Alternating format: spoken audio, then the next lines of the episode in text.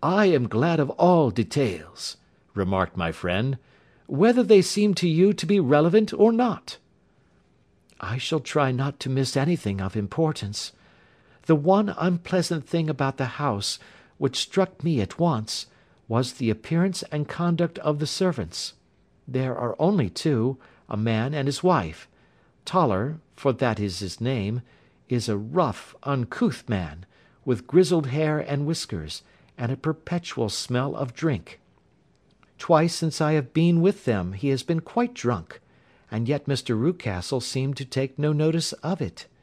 His wife is a very tall and strong woman with a sour face, as silent as Mrs. Rucastle, and much less amiable. They are a most unpleasant couple, but fortunately I spend most of my time in the nursery and my own room, which are next to each other in one corner of the building. For two days after my arrival at the Copper Beeches my life was very quiet. On the third, Mrs. Rucastle came down just after breakfast, and whispered something to her husband. "Oh yes!" said he, turning to me, "we are very much obliged to you, Miss Hunter, for falling in with our whims so far as to cut your hair.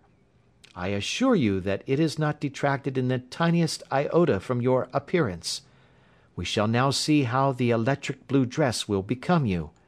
You will find it laid out upon the bed in your room, and if you would be so good as to put it on, we should both be extremely obliged."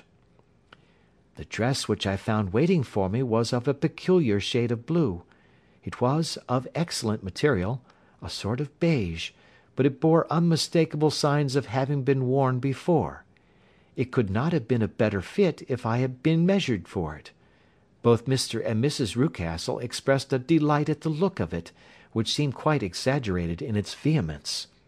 They were waiting for me in the drawing room, which is a very large room, stretching along the entire front of the house, with three long windows reaching down to the floor. A chair had been placed close to the central window, with its back turned towards it. In this I was asked to sit, and then Mr. Rucastle, walking up and down on the other side of the room, began to tell me a series of the funniest stories that I have ever listened to. You cannot imagine how comical he was, and I laughed until I was quite weary. Mrs. Rucastle, however, who has evidently no sense of humour, never so much as smiled, but sat with her hands in her lap, and a sad, anxious look upon her face. After an hour or so, Mr. Rucastle suddenly remarked that it was time to commence the duties of the day, and that I might change my dress and go to little Edward in the nursery. Two days later the same performance was gone through under exactly similar circumstances. Again I changed my dress, again I sat in the window, and again I laughed very heartily at the funny stories, of which my employer had an immense repertoire, and which he told inimitably. Then he handed me a yellow backed novel, and moving my chair a little sideways, that my own shadow might not fall upon the page, he begged me to read aloud to him. I read for about ten minutes, beginning in the heart of a chapter, and then suddenly, in the middle of a sentence, he ordered me to cease and to change my dress. You can easily imagine, Mr. Holmes, how curious I was as to what the meaning of this extraordinary performance could possibly be. They were always very careful, I observed, to turn my face away from the window, so that I became consumed with the desire to see what was going on behind my back. At first it seemed to be impossible, but I soon devised a means. My hand mirror had been broken, so a happy thought seized me, and I concealed a piece of the glass in my handkerchief. On the next occasion, in the midst of my laughter, I put my handkerchief up to my eyes, and was able with a little management to see all that there was behind me. I confess that I was disappointed. There was nothing. At least, that was my first impression. At the second glance, however, I perceived that there was a man standing in the Southampton Road, a small bearded man in a grey suit, who seemed to be looking in my direction. The road is an important highway, and there are usually people there. This man, however, was leaning against the railings which bordered our field, and was looking earnestly up. I lowered my handkerchief, and glanced at Mrs. Rucastle to find her eyes fixed upon me with a most searching gaze. She said nothing, but I am convinced that she had divined that I had a mirror in my hand, and had seen what was behind me. She rose at once. "Jethro," said she, "there is an impertinent fellow upon the road there who stares up at Miss Hunter." "No friend of yours, Miss Hunter?" he asked. "No, I know no one in these parts." "Dear me, how very impertinent! Kindly turn round and motion to him to go away." "Surely it would be better to take no notice." "No, no, we should have him loitering here always. Kindly turn round and wave him away like that." I did as I was told, and at the same instant Mrs. Rucastle drew down the blind. That was a week ago, and from that time I have not sat again in the window, nor have I worn the blue dress, nor seen the man in the road. "Pray continue," said Holmes. Your narrative promises to be a most interesting one." "You will find it rather disconnected, I fear, and there may prove to be little relation between the different incidents of which I speak. On the very first day that I was at the Copper Beeches, Mr. Rucastle took me to a small outhouse which stands near the kitchen door. As we approached it, I heard the sharp rattling of a chain, and the sound as of a large animal moving about. "Look in here," said Mr. Rucastle, showing me a slit between two planks. "Is he not a beauty?" I looked through and was conscious of two glowing eyes, and of a vague figure huddled up in the darkness. "Don't be frightened," said my employer, laughing at the start which I had given. "It's only Carlo, my mastiff. I call him mine, but really old Toller, my groom, is the only man who can do anything with him.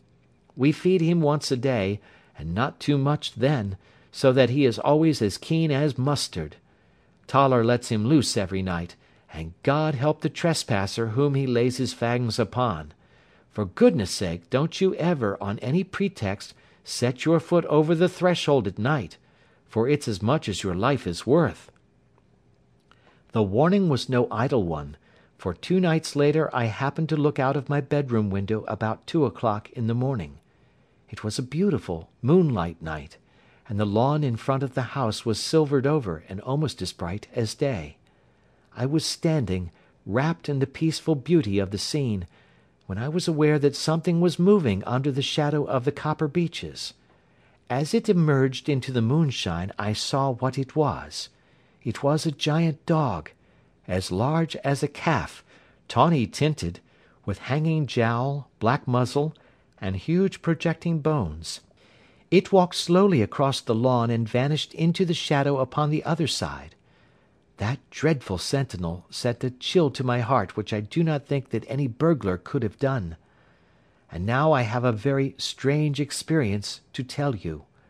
I had, as you know, cut off my hair in London, and I had placed it in a great coil at the bottom of my trunk. One evening, after the child was in bed, I began to amuse myself by examining the furniture of my room, and by rearranging my own little things. There was an old chest of drawers in the room, the two upper ones empty and open, the lower one locked.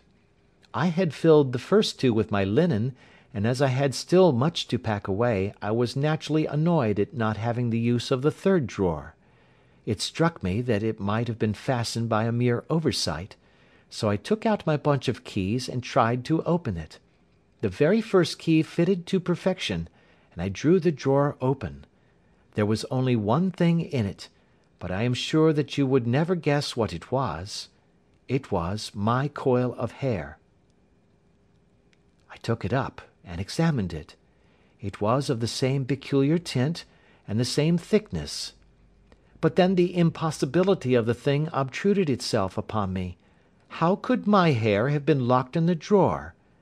With trembling hands I undid my trunk, turned out the contents, and drew from the bottom my own hair.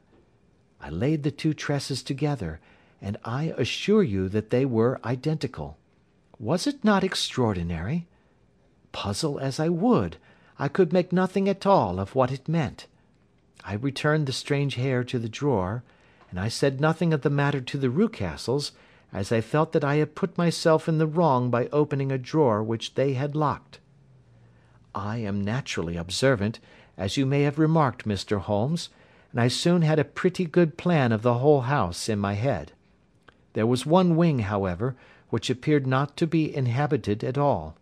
A door which faced that which led into the quarters of the Tollers opened into this suite, but it was invariably locked. One day, however, as I ascended the stair, I met Mr. Rucastle coming out through this door, his keys in his hand, and a look on his face which made him a very different person to the round, jovial man to whom I was accustomed. His cheeks were red, his brow was all crinkled with anger, and the veins stood out at his temples with passion. He locked the door, and hurried past me without a word or a look. This aroused my curiosity, so when I went out for a walk in the grounds with my charge, I strolled round to the side from which I could see the windows of this part of the house. There were four of them in a row, three of which were simply dirty, while the fourth was shattered up. They were evidently all deserted. As I strolled up and down, glancing at them occasionally, Mr. Rucastle came out to me, looking as merry and jovial as ever. "Ah!" said he. You must not think me rude if I passed you without a word, my dear young lady. I was preoccupied with business matters. I assured him that I was not offended. By the way, said I, you seem to have quite a suite of spare rooms up there, and one of them has the shutters up. He looked surprised, and, as it seemed to me, a little startled at my remark. Photography is one of my hobbies, said he. I have made my dark room up there. But, dear me, what an observant young lady we have come upon! Who would have believed it? Who would have ever believed it? He spoke in a jesting tone, but there was no jest in his eyes as he looked at me. I read suspicion there and annoyance, but no jest. Well, Mr. Holmes, from the moment that I understood that there was something about that suite of rooms which I was not to know, I was all on fire to go over them. It was not mere curiosity, though I have my share of that. It was more a feeling of duty, a feeling that some good might come from my penetrating to this place. They talk of woman's instinct. Perhaps it was woman's instinct which gave me that feeling. At any rate, it was there, and I was keenly on the look out for any chance to pass the forbidden door. It was only yesterday that the chance came. I may tell you that, besides Mr. Rucastle, both Toller and his wife find something to do in these deserted rooms, and I once saw him carrying a large black linen bag with him through the door. Recently he has been drinking hard, and yesterday evening he was very drunk, and when I came upstairs there was the key in the door. I have no doubt at all that he had left it there. Mr. and Mrs. Rucastle were both downstairs, and the child was with them, so that I had an admirable opportunity. I turned the key gently in the lock, opened the door, and slipped through.